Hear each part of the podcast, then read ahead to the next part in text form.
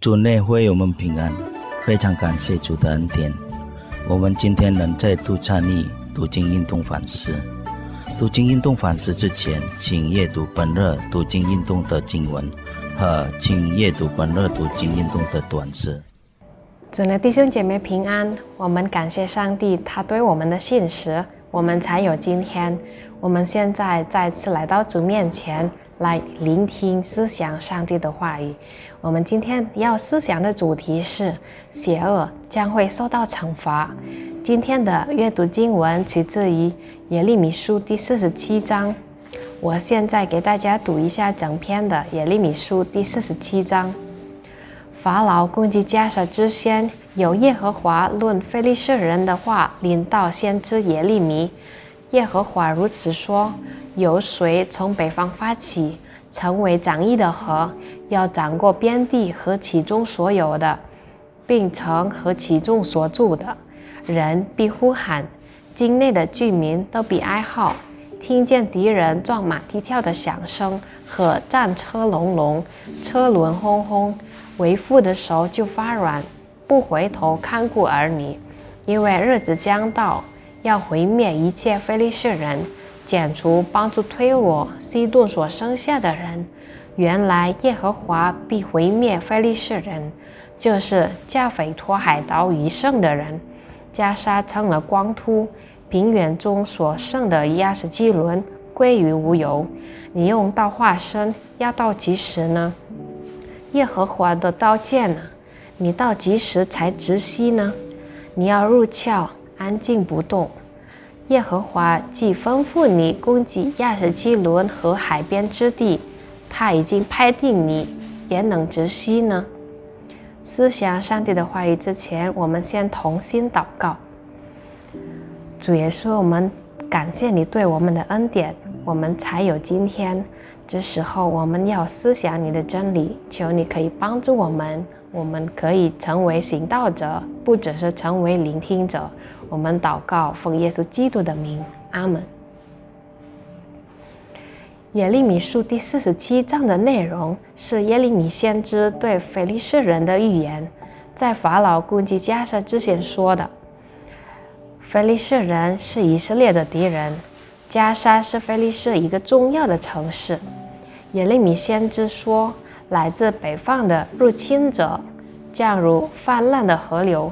早已淹没该地和其中所有的，并加沙城中的居民。所有的非利士人都因此哀号。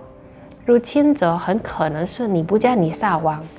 法老可能来了就走，他的突袭并没带来任何意义。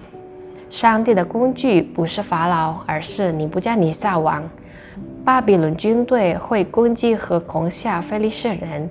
在第三节中，我们可以看到菲利士人说的状况。当时连做父亲的手都发软，不敢回顾保护自己的孩子，因为他们自身难保。总有一天，上帝会使用敌人来消灭所有的菲利士人。加沙和亚什基伦将经历毁灭。该地区的菲利士人将为丧失亲人悲痛多时，他们会剃光头并割伤自己以表哀悼。耶利米先知记起上帝的剑，也就是来自北方的入侵者，必须继续杀死菲利士人，直到他们完成上帝交给他们的任务。这个预言可能在公元前六百零四年尼布甲尼撒王摧毁亚什基伦时应验了。在三家、参孙、萨姆尔、扫罗王和大卫王的时代，以色列人一再与他们作战。通过上帝对非利士人的惩罚，上帝彰显他对以色列民的爱。上帝报复非利士人对以色列所行的邪恶。上帝给了以色列人一个耐心的理由，即他们必须等待上帝成就这个预言。这个预言清楚表明，上帝憎恨邪恶。弟兄姐妹，您是否意识到报复是上帝的权利？一个经常被欺负的人。可能心里会想着报仇。这个一个未接受上帝的救恩的人的想法。但是作为上帝的儿女，我们已经接受了上帝的赦免，因此我们也知道了我们的生活不属于我们自己了，而是属于上帝。这样，我们应该也牢记上帝对我们说的话语，在罗马书第十二章第十九节：“深渊在我，我必报应。”您是否相信上帝会保护你免受行为不良的人们的伤害？弟兄姐妹们，可能我们可以想一下，思想今天的经文之后，有哪些人的名字出现在我们的脑海里？